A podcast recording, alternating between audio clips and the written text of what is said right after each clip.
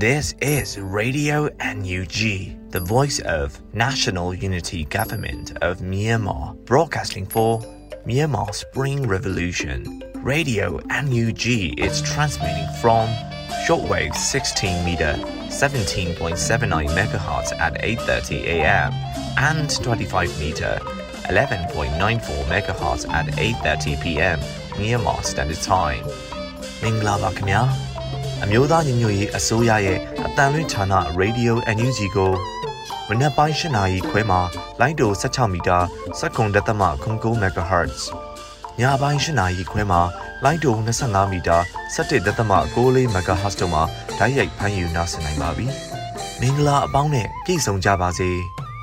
အခုချိန်ကစပြီး Radio NUG အစီအစဉ်တွေကိုဓာတ်ရိုက်အတန်မြင့်ပေးနေပါပြီ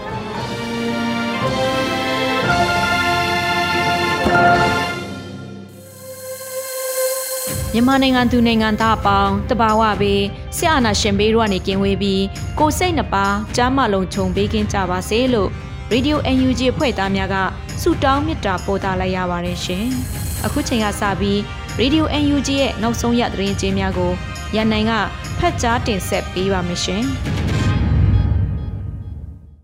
မင်္ဂလာပါခင်ဗျာခုချိန်အစပြီး Radio NUG ညခင်းသတင်းတွေကိုဖတ်ကြားတင်ပြပေးပါတော့မယ်ခင်ဗျာအခုတင်ပြပေးမယ့်သတင်းတွေကတော့ Radio NUG သတင်းတာဝန်ခံတွေနဲ့ခိုင်လုံတဲ့မိဘသတင်းရင်းမြစ်တွေကအခြေခံထားတာပဲဖြစ်ပါတယ်ကျွန်တော်ကတော့ရန်နိုင်ပါ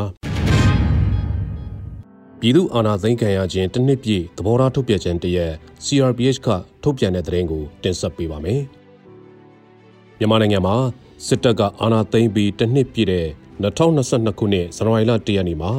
ပြည်သူ့ရွေးကောက်ခံကိုယ်စားလှယ်များနဲ့စုဖွဲ့ထားတဲ့ပြည်ထောင်စုလွှတ်တော်ကိုစားပြုကော်မတီကသဘောထားထုတ်ပြန်ချက်အမှတ်နှစ်မြင့်ဆောင်2022ကိုထုတ်ပြန်လိုက်ပါတယ်။အဆိုပါကြီးညာချက်အပြည့်စုံမှာ၁ယနေ့2022ခုနှစ်ဖေဖော်ဝါရီလ1ရက်နေ့သည်ပြည်သူလူထုကလွတ်လပ်ပြီးတရားမျှတစွာဖြင့်စန္ဒာမဲပေး၍ရွေးချယ်တင်မြှောက်ထားသည့်ပြည်သူအစိုးရထံမှအကြမ်းဖက်စစ်တပ်ကလက်နက်အားကို၍မတရားအာဏာသိမ်းခဲ့ရာ တိုင်းပြည်အမှောင်ထုကြောက်ရောက်ခဲ့သည့်တစ်နှစ်ပြည့်မြောက်သောနေ့ဖြစ်ပါသည်။နေ့အစိုးရနှင့်အတူတိုင်းရင်းသားပြည်သူများက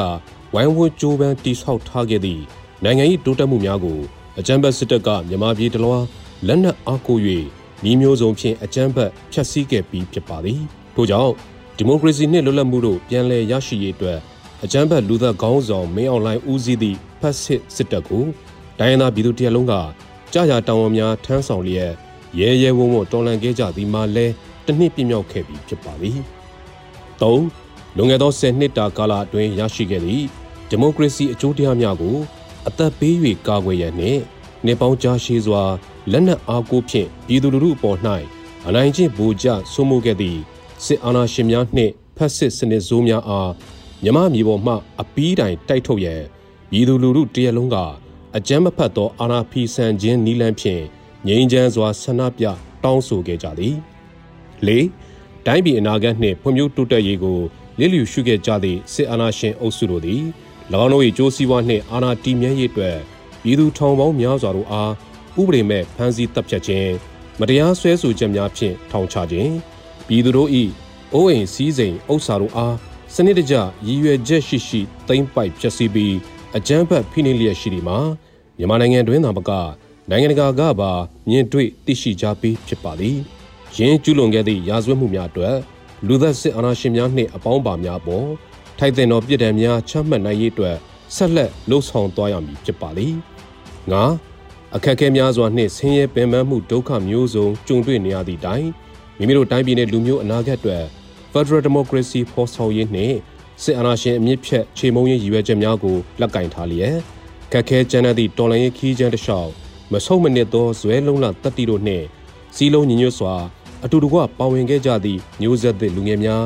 အကြမ်းဖက်အာဏာဖီဆန်ရေးတွင်ပါဝင်ခဲ့ကြသည့်ပြည်သူဝန်ထမ်းများတော်လှန်ရေးအင်အားစုများအရက်ဘက်ဖွဲ့စည်းများဒိုင်းရင်သားတော်လှန်ရေးဖွဲ့များလူပုဂ္ဂိုလ်များနှင့်ကူညီအားပေးနေကြသည့်ပြည်ပရောက်မြန်မာပြည်တော်စုဘွားဒိုင်းရင်သားများပြည်သူလူထုအပေါင်းတို့အား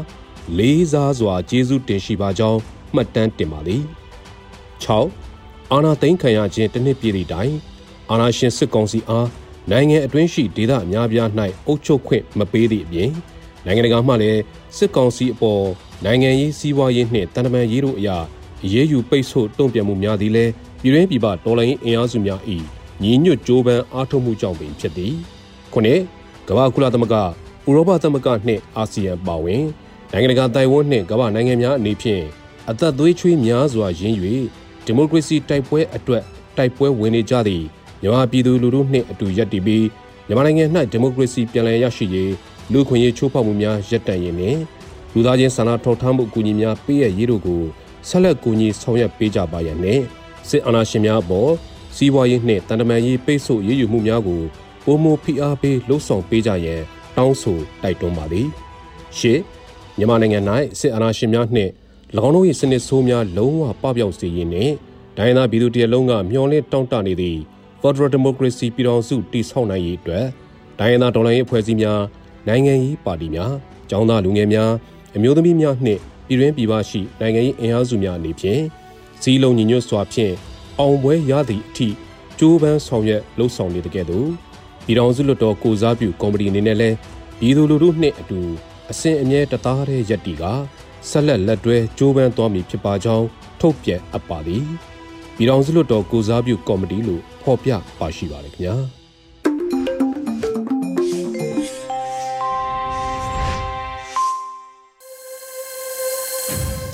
ဆက်လက်ပြီးຫນွေဦးရွှေဝါတင်ဆက်ထားတဲ့ຫນွေဦးတော်လှန်ရေးတစ်နှစ်ပြည့်စကားသံများကိုနားဆင်ကြရမှာဖြစ်ပါတယ်ရှင်။ 2021ခုနှစ်ဖေဖော်ဝါရီလရက်နေ့မှစပြီးမတရားတဲ့နည်းနဲ့အာဏာကိုသိမ်းယူခဲ့တဲ့စစ်အစိုးရကိုစတင်တော်လှန်ခဲ့တဲ့မျိုးဦးတော်လှန်ရေးဟာအခု2022ခုနှစ်ဖေဖော်ဝါရီလရက်နေ့မှာတော့တနှစ်ပြည့်မြောက်ခဲ့ပါပြီ။မျိုးဦးတော်လှန်ရေးတနှစ်ပြည့်စကားသံတွေကိုတော့အမျိုးသားညီညွတ်ရေးအစိုးရရဲ့ဝန်ကြီးများဖြစ်ကြတဲ့ဒေါ်စင်မအောင်၊ဦးရီမွန်၊ဦးထင်လင်းအောင်ဒေါခင်မမမျိုးနဲ့ဒုတိယဝန်ကြီးဦးကျော်နီတို့ရဲ့စကားသံတွေကိုနားဆင်ကြရမှာဖြစ်ပါတယ်ရှင်။ 2020တုန်းကရွေးကောက်တင်မြှောက်ခံလွှတ်တော်ကိုယ်စားလှယ်တွေအနေနဲ့ပေါ့လေအာဏာမသိမ်းခင်ကလွှတ်တော်တက်ဖို့လို့နေပြီးတော့ရောက်နေတဲ့အနေအထားဖြစ်တယ်။နေပြီးတော့ရောက်နေတဲ့ချိန်မှာပဲအာဏာသိမ်းခံရတာဖြစ်တယ်ပေါ့လေ။ဆိုတော့အာဏာသိမ်းပြီးနောက်ရက်ပိုင်းမှာပဲကျမတို့ဒီရွေးကောက်ခံလွှတ်တော်ကိုယ်စားလှယ်တွေကိုကိုစားပြုမဲ့ CRPH ဘောနော်ပြည်ထောင်စုလွှတ်တော်ကိုစားပြုကော်မတီဖွဲ့စည်းရမှာပါဝင်ခဲ့ပါတယ်။နောက်ပြီးတော့တောက်လျှောက်ဆိုသလိုပဲဘောနော်အစိုးရတရဖွဲ့စည်းဖို့ရမှာပါတီတရက်ကနေပြီးတော့ပဲ ဥဆောင်ပြီးဖွဲ့တာမျိုးမဟုတ်ဘဲနဲ့ဒီနိုင်ငံရေးအင်အားစုတွေရဲ့အတန်တွေကနားထောင်ပြီးတော့တိုင်ပင်ပြီးတော့မှဒါမျိုးသားညီညွတ်ရေးအစိုးရဖွဲ့တာကပို့ပြီးတော့ဟောပေါ့နော်ညီညွတ်ရေးကိုလည်းအားကောင်းစေမယ်တော်လှန်ရေးကိုလည်းအားကောင်းစေမယ်လို့ကျမတို့ဆွေးနွေးခဲ့ကြပါတယ်ဆွေးနွေးပြခဲ့ကြပြီးတော့ကျမတို့တိုင်းသားတော်လှန်ရေးလက်နက်ကိုင်ဖွဲ့စည်းတွေပါဝင်ပေါ့လေအဲတော်လှန်အင်အားစုတွေနဲ့ပေါင်းဆက်ပြီးတော့တော်လိုင်းအင်အားစုတွေကကိုစားပြုတဲ့သူတွေပါပါဝင်နိုင်မဲ့ ဒီသူတွေနဲ့ကျမတို့ဒီမြို့သားညီညွတ်ရေးအစိုးရကိုဖွဲ့စည်းခဲ့ပါတယ်ဆိုတော့မြို့သားညီညွတ်ရေးအစိုးရမှာတော့ကျမအခုနိုင်ငံသားရေးဝန်ကြီးအနေနဲ့တာဝန်ယူနေပါတယ်အဲဘယ်နေရာတွေမှာအောင်မြင်မှုရခဲ့လဲဆိုရင်တော့ကျမတို့တိုင်းပြည်ကမတူကွဲပြားတဲ့နိုင်ငံရေးအင်အားစုတွေတိုင်းသားတွေအစုဖွဲ့တွေရှိတယ်ပေါ့နော်ဒီနိုင်ငံရေးအစုဖွဲ့တွေနောက်ပြီးတော့မတူညီတဲ့ဒီ identity စုဖွဲ့တွေကြားထဲမှာတော့ကျမတို့ပူးပေါင်းဆောင်ရွက်မှုတွေပုံမအကောင်းလာတယ် ပုံညံသူကပို့ပြီးတော့ထင်ရှားလာတယ်ပေါ့နော်ဆိုတော့ဒီစစ်အာဏာရှင်ဆိုတဲ့ပုံညံသူကိုကျမတို့ဟိုတူပေါ့နော်စန့်ကျင်တဲ့နေရာမှာတိုက်ခိုက်တဲ့နေရာမှာတော်လန်တဲ့နေရာမှာတော့ကျမတို့တွေစူးစီးညီညွတ်မှုအားကိုဘယ်တော့မှမတူအောင်ရရှိလာခဲ့တာဖြစ်ပါတယ်ဆိုတော့ဒါလည်းအောင်မြင်မှုတစ်ခုလို့တော့မြင်တယ်ဒီအောင်မြင်မှုတွေကိုကျမတို့ကဆက်လက်ပြီးတော့ထိန်းသိမ်းထားဖို့လို့လိုပါတယ်ဒါကတစ်ချက်ပါ နောက်တစ်ချက်ကကြတော့ပြည်သူလူထုရဲ့ပါဝင်မှုကဒီပင်လျင်ဒီဒေါ်လာရေးရဲ့အောင်မြင်မှုကိုဟိုပေါ့နော်ပုံမူပြီးတော့ဖြစ်နိုင်စေတယ်အားကောင်းလာစေတယ်လို့ကျွန်တော်အနေနဲ့တော့မြင်ပါတယ်အဲလိုပြောရမယ်ဆိုရင်တော့ပြည်သူလူထုရဲ့ပူးပေါင်းပါဝင်မှုအခုလိုမျိုးတစ်နှစ်အာနာသိန်းတာတစ်နှစ်ပြည့်တဲ့အထိကိုတိုင်းတိုင်းပြည်ကိုထိန်းလို့မရသေးဘူးသိန်းလို့မသိန်းတဲ့ process ကမပြီးမြောက်သေးဘူးပေါ့နော်ပြောရမယ်ဆိုရင်မင်းအောင်လိုင်းဟိုဥဆောင်တဲ့ ဒီအကြံဖက်စစ်ကောင်စီဟာတနေ့မှသူတို့ပေါ့နော်ကောင်းကောင်းမွန်မွန်အုပ်ချုပ်ရတဲ့နေ့အာဏာကိုငါတို့သိမ်းလိုက်ပြီရဲ့လို့စိတ်ချလက်ချဖြစ်သွားတဲ့နေ့တရက်မှမရှိခဲ့ပါဘူးဒါကတော့ဒီပြောရမယ်ဆိုလို့ရှိရင်ကျမတို့မြန်မာပြည်သူလူထုရဲ့ပေါ့နော်နိုင်ငံသူနိုင်ငံသားတွေရဲ့ပေါ့နော် resistant ခုခံတွန်းလှန်လို့စိတ်အာနာရှင်ကိုလက်မခံဘူးဆိုတဲ့တွန်းကန်အားတွေပေါ့လေနော်အာနာသိမှုကိုလက်မခံဘူးဆိုတဲ့တော်လှန်ပုံကန်လိုတဲ့စိတ်တွေပေါ့ဒီစိတ်ဓာတ်တွေကြောင့်ဒီတစ်နှစ်မှာကျမတို့ တောင်းခံနိုင်ခဲ့တာဖြစ်တယ်အဲ့ဒီလိုတောင်းခံနိုင်တဲ့ကာလမှာလည်းပဲနိုင်ငံရေးအရာစိတ်ကောင်းစီကိုစိန်ခေါ်နိုင်မဲ့နိုင်ငံရေးစုဖွဲ့မှုတွေပေါ့နော် CRPH ပေါ်လာတယ်အဲနောက်ပြီးတဲ့ခါကျတော့အခုစိတ်ကောင်းစီကိုအစိုးရတရက်အနေနဲ့စိန်ခေါ်နိုင်မဲ့တရားဝင်အစိုးရ NUG ဆိုတာပေါ်လာတယ်ဒါအပြင်ကိုသပိတ်ကော်မတီတွေတိုင်းသားလက်နက်ကိုင်တော်လှန်ရေးအဖွဲ့အစည်းတွေရဲ့စုဖွဲ့မှုတွေအာဏာသိမ်းမှုကိုလက်မခံဘူးဆိုတဲ့အခြေခံကနေပြီးတော့ စုဖွဲ့မှုတွေပေါ့နော်ဒီစုဖွဲ့မှုတွေကနေအခြေခံပြီးတော့အာဏာသိမ်းမှုရဲ့အလွန်နိုင်ငံတည်ဆောက်ရေးမှာလည်းပဲဘယ်လိုပုံစံနဲ့သွားရမလဲ Federal စနစ်ကိုသာအခြေခံပြီးတော့သွားရမယ်ဆိုတဲ့နိုင်ငံရေးပုံရိပ်မှန်းချက်တွေကိုကျမတို့တွေကြားမှာတည်ဆောက်နိုင်ခဲ့တယ်ပို့ပြီးတော့တေချာစေခဲ့တယ်ပေါ့လေဆိုတော့ဒါကတော့ဒီတစ်နှစ်ကာလအတွင်းရရှိခဲ့တဲ့အောင်မြင်မှုတွေပန်းနိုင်တယ်လို့တော့ပြောလို့ရတယ်ဒါပေမဲ့ဒီအောင်မြင်မှုပန်းနိုင်တွေကိုကျမတို့သတိကြီးကြီးနဲ့ပေါ့လေ ထိမ့်သိမ်းသွားလိမ့်မယ်ဒါမှသာလျှင်ကျမတို့ခီးဆုံးပန်းနိုင်နောက်ပြန်မလှည့်နိုင်တဲ့ပန်းနိုင်ကိုရောက်မှာဖြစ်တယ်လို့ပြောလို့ပါတယ်အဲ့တော့တစ်ကနေ30ထိအမှတ်ပေးရမယ်ဆိုရင်တော့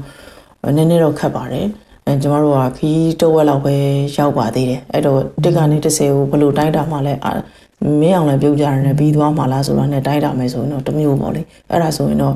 တော်တော်လေးခီးရောက်နေပြီစစ်ကောင်စီဟာစစ်အာဏာရှင်ဟာကျမတို့ကိုဟိုပေါ့နော်ဆက်လက်ပြီးတော့အုပ်ချုပ်ခွင့်မရဘူးလို့ လက်လွတ်လိုက်ရဖို့ကခီးတိုးဝက်ကြော်ကြော်ကိုရောက်နေပြီလို့ကျမတို့ပြောလို့ရပါတယ်ကျမတို့တွေနဲ့ပြည်သူလူထုတွေနဲ့ဟာအပြန်အလှန်ရမ်းပင်းပြီးတော့ပေါ့နော်တူကိုတူအမိပြုတ်ပြီးတော့ဒီဒေါ်လာရေးကဒီတစ်နှစ်လောက်ထိတောင်းခံခဲ့နိုင်ကြတာဖြစ်တယ်ပေါ့နော်ဒါကြောင့်ဆက်လက်ပြီးတော့ဟန်ချက်ညီညီနဲ့ကျမတို့တွေနားလည်မှုရှိရှိနဲ့ဝေဖန်စရာရှိရင်လည်းပြုသဘောဝေဖန်မယ်ထောက်ပြစရာရှိရင်လည်းပြုသဘောထောက်ပြဝေဖန်ပြီးတော့ ဟိုကူညီရိုင်းမင်းပြီးတော့ပဲဒီခီးကိုအတူတူသွားနေကြရမှာဖြစ်ပါတယ်ပြည်သူလူထုနဲ့ကျမတို့ဆိုတာကတလီတဲ့စီဒီတခီးတဲ့သွားမယ်သူတွေဖြစ်နေပါပြီဒါကြောင့်မို့လို့ဒီခီးမှာသွားနေကြတဲ့သူတွေချင်းချင်းပေါ့လေကျမတို့ပြန်လဲနားလည်မှုတွေစာနာမှုတွေဖေးမမှုတွေနဲ့သွားကြမှာဖြစ်တယ်လို့ဝေဖန်စရာရှိမယ်အားနည်းချက်တွေရှိတယ်ဆိုလို့ရှိရင်လည်းဒါအပြုသဘောနဲ့ဝေပြန်ထောက်ပြပြီးတော့နီးမှန်လမ်းမှန်နဲ့ဒေါ်လာရေးကိုသွားနိုင်ကြဖို့ရာ ဝေဖန်ထောက်ပြကြပါလို့ပဲကျွန်မအနေနဲ့ပြောချင်ပါတယ်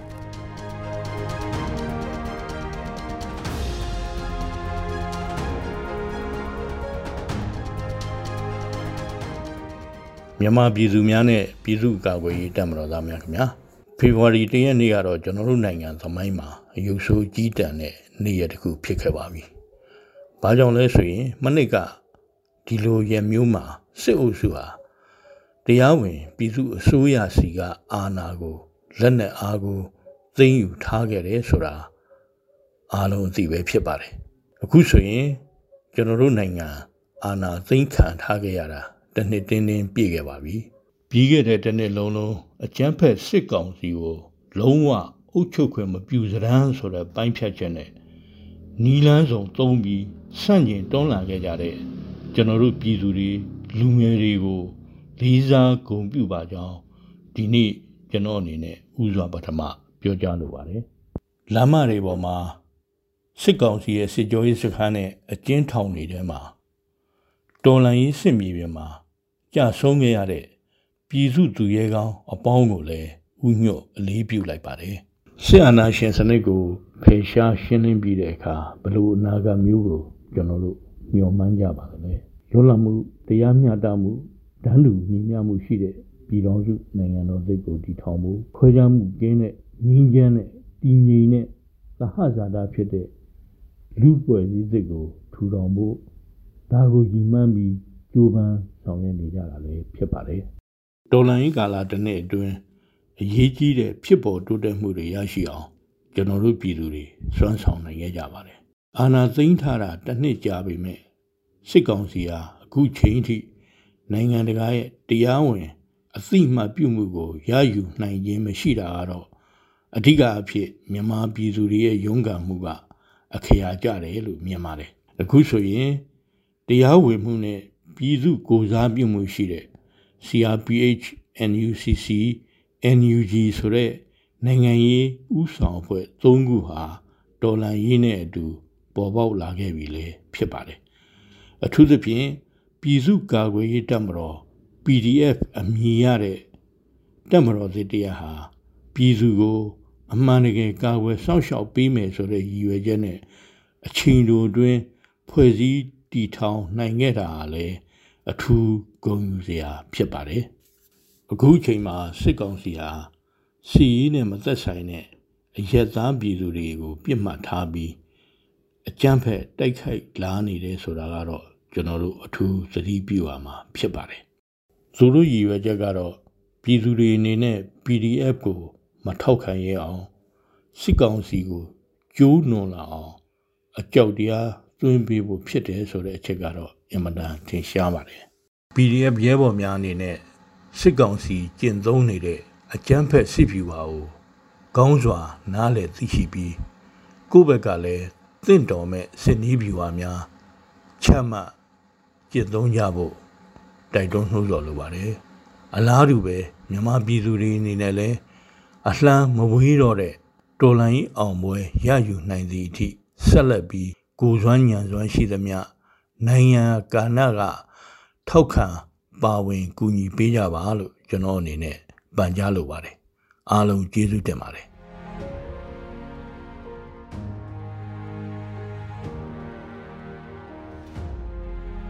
ကျွန်တော်တို့ ဒီဒေါ်လာရေးမှာတော့ အခန်းကဏ္ဍဆိုတာတွေ title တွေဆိုတာထက်ဗျာ ကျွန်တော်တို့ကတော့ အခုလက်ရှိဒါ NUG မှာ တာဝန်ယူနေရတဲ့ လူတယောက်အနေနဲ့ဒါကျွန်တော်ဒီလိုဝင်ကြီးဌာနမှာတော့ဥဆောင်ပြီးတော့တွားနေတယ်ပေါ့နော် ကျွန်တော်ရဲ့ ဆက်သွယ်ရေး သတင်းချက်လက်နဲ့ဤပညာဝန်ကြီးဌာနမှာကျွန်တော်တာဝန်ထမ်းဆောင်တယ်အဲပြီးတော့ ကျွန်တော်တို့အရင်တော့ကဆိုလို့ရှိရင်တော့ CRPH ပေါ်ပေါ်လာခြင်းမှာကျွန်တော်ကိုနိုင်ငံတကာဆက်ဆံရေးကိုယ်စားလှယ်အဖြစ်နဲ့ခန့်အပ်တော့လဲကျွန်တော်နိုင်ငံတကာဆက်ဆံရေးကိစ္စတွေကိုကျွန်တော်အနေနဲ့လုပ်ခဲ့ရတာရှိတာပေါ့ဒါပေမဲ့ကန္ဓာဆိုတာထက်ကိုကျွန်တော်တို့ကတော်လန်ရေးမှာတော့ကြာရကန္ဓာကနေပြီးတော့လူလူနဲ့တသားတယ်လူလူနဲ့လူလူရဲ့လောက်ရက်တွေလူလူရဲ့ activity တွေမှာလည်းကျွန်တော်တို့ကဒါဝင်ပြီးတော့တွေ့ဆုံဆွေးနွေးပြီးတော့လုပ်နေတဲ့အလုပ်တွေလည်းရှိတာပေါ့ဗျာအခုဆိုရင်ຫນွေဦးတော်လှန်ရေးကတစ်နှစ် ပြည့်ပြီလို့ပြောလို့ရတဲ့အနေအချိန်ကိုရောက်ပြီပေါ့ဒီကာလမှာကျွန်တော်တို့အနေနဲ့ရှောက်လှမ်းခဲ့ရတဲ့အဲအဲခဲခဲတွေဂျက်ဒဲတွေအဲပြီးတော့ရှင်အဲ့ဂျားတွေကမှကျွန်တော်တို့ရရှိလာတဲ့အောင်မြင်မှုတွေကတော့ဒါတော်တော်လေးအားရဖို့ကောင်းတယ်လို့ပြောလို့ရတာပေါ့ဆိုတော့ကျွန်တော်တို့အနေနဲ့အဲတစ်ကနေ30အထိအမှတ်ပေးမယ်ဆိုလို့ရှိရင်ကျွန်တော်တို့အနေနဲ့9 8လောက်အထိကျွန်တော်တို့ကဒါအောင်မြင်မှုရနေတယ်လို့ပြောလို့ရတယ်။ဘာဖြစ်လို့လဲဆိုရင် ကျွန်တော်တို့အခုဆိုလို့ရှိရင်နယ်မြေတွေအာနိုင်ငံနိုင်ငံတကာအာထိုးဖောက်မှုတွေနယ်မြေသိမ်းပိုက်နိုင်မှုတွေအဲနောက်တစ်ခါနယ်မြေတွေမှာထိန်းချုပ်ထားနိုင်တာတွေကျွန်တော်တို့ရဲ့ဒေါ်လာရင်းအင်အားစုတွေအကုန်လုံးကနေပြီးတော့ NUG နဲ့ပူးပေါင်းဆောင်ရွက်နေတာတွေဒါတွေအကုန်လုံးကတော်တော်အားရဖို့ကောင်းလာတဲ့အနေအထားတွေရှိလာအဲဒါပေမဲ့ကျွန်တော်တို့လှုပ်ချင်တိုင်းဖြစ်ချင်တိုင်းမဖြစ်ရတဲ့ဟာတွေမလုပ်ရတဲ့ကိစ္စတွေလည်းရှိနေတာပေါ့နော်လှုပ်တိုင်းမဖြစ်လာတဲ့ကိစ္စတွေလည်းရှိနေတာပေါ့ ဆိုတော့ဒီလိုကိစ္စတွေကတော့ဒီ2022မှာကျွန်တော်တို့10မှတ်ပေးရင်10မှတ်စလုံးအပြည့်ရဖို့အတွက်2မှတ်3မှတ်လောက်လိုနေတဲ့ဟာတွေက2022မှာတော့အပြည့်ဝသွားလိမ့်မယ်လို့ကျွန်တော်တို့ကဒါကိုယုံကြည်ပြီးတော့ဆက်ပြီးတော့ရှောက်လှမ်းနေပါဗျကျွန်တော်တို့ဒီຫນွေဦးတော်လှန်ရေးဆိုတာလူထုစီကနေပြီးတော့ပေါက်ဖွာလာတဲ့တော်လှန်ရေးလို့ပြောရမယ်ဆိုရင်မမှားဘူးပေါ့ဗျာဒီအာနာသိမ့်ပြီးကြတဲ့ကနော်လူထုကနေစကြတဲ့တော်လှန်ရေးပေါ့အဲ့ဒီတော်လှန်ရေးနဲ့အတူတူကျွန်တော်တို့ CRPH NUG NUCC ဆိုတာတွေလည်းပေါ်ထွက်လာတယ် အဲ့တော့ လူထုပေါ်မှာ ကျွန်တော်တို့က ယုံကြည်မှု အပြည့်ရှိတယ် လူထုဒီမမိတ်မတုံဒီတော်လှန်ရေးကို ဆက်ပြီးတော့တွားနေတယ်ဥဆောင်နေတယ်နော်လူထုရဲ့ အင်အားတွေ ရှိနေသေး၍ကျွန်တော်တို့ရဲ့ တော်လှန်ရေးက မကြဆုံးမဲနဲ့ ကျွန်တော်တို့ကဒါဆက်ပြီးတော့ အောင်ပွဲတွေ ရနေမှာ ဖြစ်တယ် အဲ့ဒီတော့ လူထုပါဝင်နေသေး၍လူထုကဥဆောင်နေသေး၍ကျွန်တော်တို့ NUG NUCC CRPH ဆိုတာတွေက လူထုနဲ့အတူတူ လက်တွဲပြီးတော့ ဆောင်ရွက်နေသေး၍ကတော့ ဒီဒေါ်လာရေးကဒီနေ့မှာတော့ကျွန်တော်တို့အောင်မြင်မှုပန်းတိုင်ကို ရောက်ရမယ် ကျွန်တော်တို့ လိုချင်တဲ့ Federal Democracy စနစ်ကိုလူအခွင့်အရေးစံချိန်စံညွှန်းတွေနဲ့အတူတူရောက်မယ်ဆိုတာကိုကျွန်တော်တို့ယုံကြည်မှုအပြည့်အဝရှိရပြ။ဘာဖြစ်လို့လဲဆိုတော့လူထုနဲ့အတူတူတော်လှန်နေတဲ့တော်လှန်ရေးဖြစ်လို့ပဲ။အဲ့တော့တော်လှန်ရေးမှာကျွန်တော်တို့ကလူထုနဲ့အတူတူဆက်ပြီးတော့အောင်ပွဲရတဲ့အထိဆက်သွားမှာပါ။ဒါပေမဲ့ကျွန်တော်တို့တခုပြောချင်တာကဥဆောင်မှုကဏ္ဍမှာရှိနေတဲ့ဥဆောင်သူတွေခေါင်းဆောင်တွေပေါ့ဗျာနော်တော်လန်ရေးမှာဥဆောင်နေတဲ့လူတွေဟာရိုးသားဖို့လိုတယ် ကိုကိုကိုရိုးသားရမယ်ပြည်သူပေါ်မှာရိုးသားရမယ်တော်လန်ရေးပေါ်မှာရိုးသားရမယ်တစ္ဆာရှိရမယ်ပြီးလို့ရှိရင်ကိုကစံပြပုတ်ကိုဖြစ်နေရမယ်ဗျဇာရိတဘိုင်းမှာပဲကြည်ကြည်ဥဆောင်မှုဘိုင်းမှာပဲကြည်ကြည်ရိုးသားမှုဘိုင်းမှာပဲကြည်ကြည်အကုန်လုံးဒီလိုဟာတွေမှာစံပြဖြစ်နေတယ်ဆိုလို့ရှိရင်ဒီဒေါ်လာရေးကပို့ပြီးတော့အောင်မြင်မယ်မြန်မြန်ဆန်ဆန်အောင်မြင်မယ်ဥပမာဖြင့်ဗိုလ်ချုပ်အောင်ဆန်းလိုပုံကူမျိုးပေါ့ဗျာရိုးသားမှုအပြည့်နဲ့လူမှုပေါ်မှာတစ္ဆာရှိတယ်ရိုးသားတယ် ဒီလိုလူမျိုးတွေဥဆောင်တယ်ဆိုလို့ရှိရင် ကျွန်တော်တို့ဒေါ်လာရေးက ပို့ပြီးတော့ အောင်မြင်မယ် လူမှုရဲ့ ယုံကြည်မှုကိုလည်း ပိုရမယ်လို့ ကျွန်တော်အနေနဲ့ ပြောချင်တယ်ဗျ အခုဆိုရင် အာနာသိန်းခဲ့တာတစ်နှစ်ပြည့်ခဲ့ပြီပေါ့ဗျာ အဲ့တော့တစ်နှစ်ပြည့်တဲ့အချိန်မှာ ပြန်ပြီးတော့ သုံးသပ်ကြည့်မယ်ဆိုရင် စစ်ကောင်စီကအခုချိန်မှာ ကစင်ကလျားနဲ့ အကွဲပြဲတွေ ဖြစ်လာနေပြီဆိုတာကို ကျွန်တော်တို့တွေ့ရတယ် သူတို့ရဲ့ စစ်တပ်အတွင်းမှာ အကွဲပြဲတွေ ဖြစ်လာပြီ စစ်တပ်ကနေပြီးတော့ ကျွန်တော်တို့ဘက်ကို ပူးပေါင်းလာတဲ့ တပ်မတော်သား CDM တွေ ပြည်သူလူထုနဲ့အတူတူရက်တီလာတဲ့ တပ်မတော်သားတွေကျွန်တော်တို့အများကြီးကျွန်တော်တို့တွေ့လာရပြီဖြစ်တယ်ထို့အတူသူတို့အထဲမှာရှိနေပေမဲ့လည်းနော်ထွက်ပြေးလာလို့မရသေးတဲ့လူတွေကျွန်တော်တို့ပြည်သူလူထုနဲ့ပူးပေါင်းလာလို့မရသေးတဲ့တပ်မတော်သားတွေလည်းအများကြီးရှိနေတယ်ဆိုတာကိုကျွန်တော်တို့သိထားရတဲ့အတွက်ကြောင့်ကျွန်တော်တို့တော်တော်လေးအားတက်မိရဗျာအခုဆိုရင်ကျွန်တော်တို့နယ်တွေမှာကျွန်တော်တို့တော်လိုင်းရေးအင်အားစုတွေကတော်တော်ကိုအားကောင်းလာပြီးတော့ ထပ်ထပ်ပြီးတော့ပူးပေါင်းလာတဲ့လူငယ်တွေမျိုးဆက်သစ်တွေနော်တော်လိုင်းရေးအင်အားစုတွေကပိုပိုပြီးတော့များပြားလာတာကိုလည်းကျွန်တော်တို့တွေ့ရတယ်။ဒါဟာကျွန်တော်တို့ရဲ့တော်လိုင်းရေးအောင်မြင်မဲ့နမိတ်တွေပဲ2022ခုနှစ်မှာတော့ကျွန်တော်တို့ရဲ့တော်လိုင်းရေးကဒီလိုလူတို့ရဲ့အင်အားပူးပေါင်းပါဝင်မှုခေါင်းဆောင်မှုတွေနဲ့နော်ရိုးသားတဲ့ခေါင်းဆောင်တွေကတော့ရဲရင်းတဲ့ခေါင်းဆောင်တွေလူတို့တွေကနေပြီးတော့ပဲပေါ်ထွက်လာတဲ့ခေါင်းဆောင်တွေတိုက်ပွဲကြားကပေါ်ထွက်လာတဲ့ခေါင်းဆောင်တွေရဲ့ဥဆောင်မှုနဲ့အတူတူကျွန်တော်တို့ကစစ်ကောင်စီကိုတော့ဒီ2022ခုနှစ်မှာဖြိုချနိုင်မယ်လို့ကျွန်တော်တို့ကယုံကြည်ပြီးသားဗျ အဲ့ဒီယုံကြည်ချက်နဲ့အတူတူကျွန်တော်တို့ကဆက်လက်ပြီးတော့တိုက်ပွဲဝင်သွားမယ်2022ဟာကျွန်တော်တို့ရဲ့အောင်ပွဲနှစ်ဖြစ်ရပါမယ်စစ်ကောင်စီကိုဖြုတ်ချပြီးတော့ကျွန်တော်တို့ရဲ့ Federal Democracy နိုင်ငံတော်သက်စီကိုတွားနိုင်မယ့်နှစ်လို့တော့ကျွန်တော်တို့ယုံကြည်တယ်ဗျဒါကြောင့်ပြန်ချုပ်ရမယ်ဆိုရင်ကျွန်တော်တို့ NUG NUCC CRPH ဆိုတဲ့ကျွန်တော်တို့ရဲ့အစိုးရမန်တိုင်တွေကဥဆောင်ပြီးတော့မြားဥမှာတော်လိုင်းရေးမြားဥမှာရှိနေသလိုတိုက်ပွဲကြားကနေပေါ်ထွက်လာတဲ့ခေါင်းဆောင်တွေ အကုန်လုံးနဲ့ ပူးပေါင်းဆောင်ရွက်ကြမယ် လူတူကြီးကလည်း တသားတည်း ပူးပေါင်းဆောင်ရွက်ကြမယ် တိုင်းရင်းသားတွေ အကုန်လုံးနဲ့လည်း ကျွန်တော်တို့ ပူးပေါင်းဆောင်ရွက်ကြမယ်ဆိုရင် ကျွန်တော်တို့ လိုချင်တဲ့ ပန်းတိုင်ကဒီနှစ်မှာ2022မှာ ရရှိမယ်လို့ပဲ ကျွန်တော်ကတော့ညီကုန်းချုပ် ပြောချင်ပါတယ်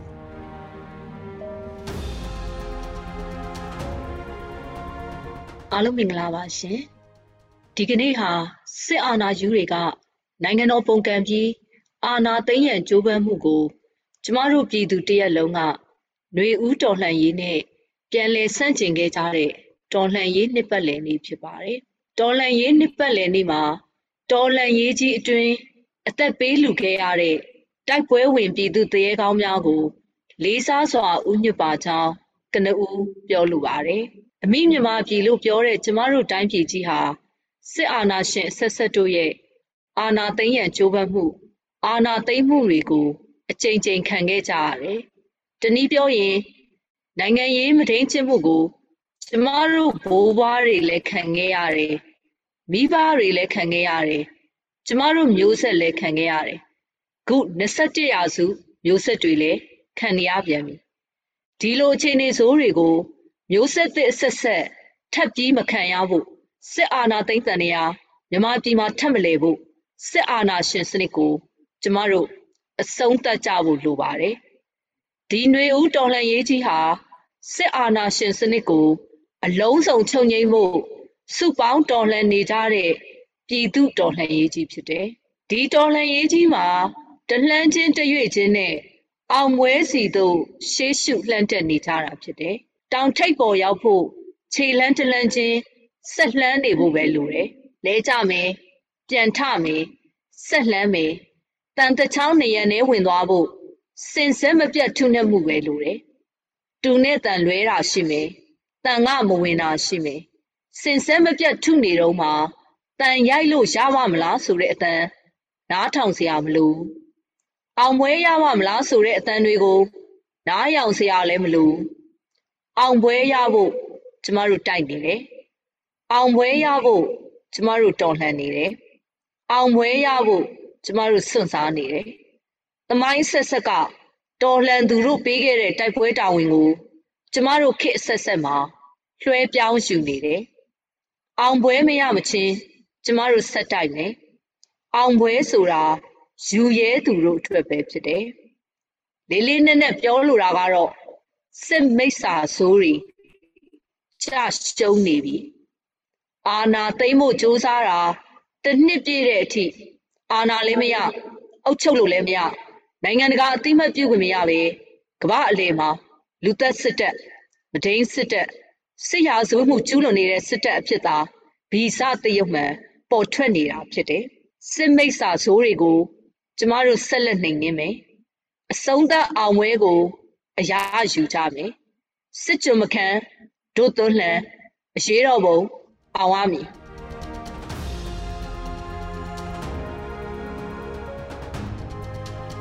ဒီတနှစ်တာစကောင်းစီအာနာသိမ့်ဖို့ကြိုးစားနေတဲ့တနှစ်တာကာလအတွင်းမှာကျွန်တော်တို့တွေပြစ်ဆက်တာတွေများတယ်ကျွန်တော်တို့ဂျုံကန်တိုက်ပွဲဝင်ရတာတွေကြီးမားပါတယ်ကျွန်တော်တို့မှာအနှောက်အယှက်တွေအခက်အခဲတွေအများကြီးပဲကျွန်တော်တို့ပြည်သူလူထုကကိုယ့်အချင်းချင်းအားပေးကြပြီးတော့ပဲဒီခီးကိုစက်နေကြတာပေါ့လေရင်တော့ကြပြားဆရာတယောက်ရေးတယ်လို့ပေါ့တယောက်အနာတယောက်ရှာနေရရင်ဆိုတာမျိုး ကျွန်တော်တို့ပြည်သူလူထုကနောက်ဆုံးအရင်တော့ကတော့ကျွန်တော်တို့ပြည်သူလူထုကကုလသမဂ္ဂအားကိုးတယ်တခြားနိုင်ငံတွေကိုအားကိုးတယ်ဒါပေမဲ့နောက်ဆုံးမှပြည်သူလူထုကကိုကိုကိုပဲအားကိုးရမယ်ဆိုတဲ့ဉာဏ်အလင်းပွင့်သွားခဲ့တယ်ပေါ့လေဒါကြောင့်ပြည်သူလူထုတည်းရဲ့လုံးဝကြွေးကြော်တာငါတို့မှငါတို့ပဲရှိတယ်ဆိုဒီလိုပဲခုနကပြောသလိုတယောက်အနာတယောက်ရှာနေရရင်ပေါ့တယောက်ကိုတယောက်အားပေးရင်တယောက်ကိုတယောက်ထူမရင်လည်းပဲကျွန်တော်တို့ဒီတော်လေးခရီးကို ခရီးဆက်လာတာအခုတစ်နှစ်ရှိပြီပေါ့လေဒါကြောင့်ကျွန်တော်တို့မှာအခက်အခဲတွေဘလို့ပဲကြုံကြုံကျွန်တော်တို့မှာကျွန်တော်တို့တွေရှိတယ်ကျွန်တော်တို့အချင်းချင်းဝိုင်းကူပြီးတော့တော့ကျွန်တော်တို့တစ်နှစ်ကြာတဲ့အထိကျွန်တော်တို့တောင်းခံနိုင်တယ်စစ်ကောင်စီကလုံးဝအုပ်ချုပ်လို့မရဒါကြောင့်ကျွန်တော်တို့တွေရှစ်ဆက်ကြမယ်တယောက်နဲ့တယောက်လက်တွဲရင်းနဲ့ကျွန်တော်တို့တွေရှစ်ဆက်ကြမယ်အများကြီးပါပဲအခက်အခဲတွေရတော့ကျွန်တော်တို့တွေမှာ CDN တွေမှာ အခက်အခဲတွေရှိတယ် CDN တွေကိုထောက်ပံ့ဖို့အတွက်ကျွန်တော်တို့မှာတာဝန်ရှိတယ်ကျွန်တော်တို့မှာလည်းတစ်ခါအခက်အခဲတွေနဲ့ PDF တွေတပြည်လုံးမှာရှိနေတဲ့ပြည်သူလူထုကလက်နက်ဆွဲကင်တော်လှန်ကြတဲ့အချိန်မှာကျွန်တော်တို့တွေဒါကိုထောက်ပံ့ဖို့အတွက်လိုအပ်တယ်ပေါ့လေနောက်ဆုံးအနေနဲ့ပြောချင်တာကတော့ကျွန်တော်တို့အားလုံးကနောက်ဆုတ်လို့မရတဲ့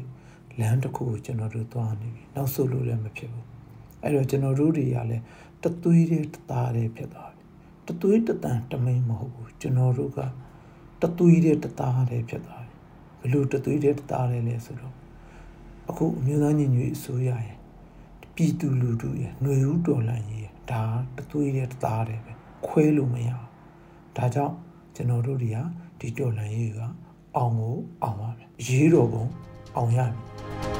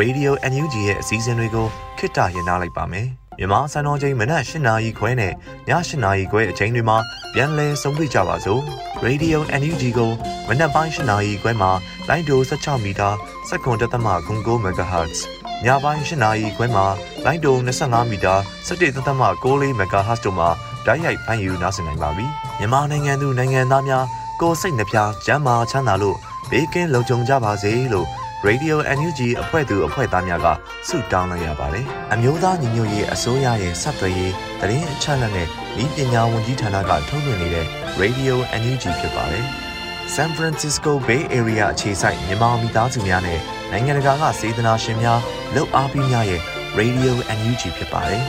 ။အရေးတော်ပုံအောင်ရမည်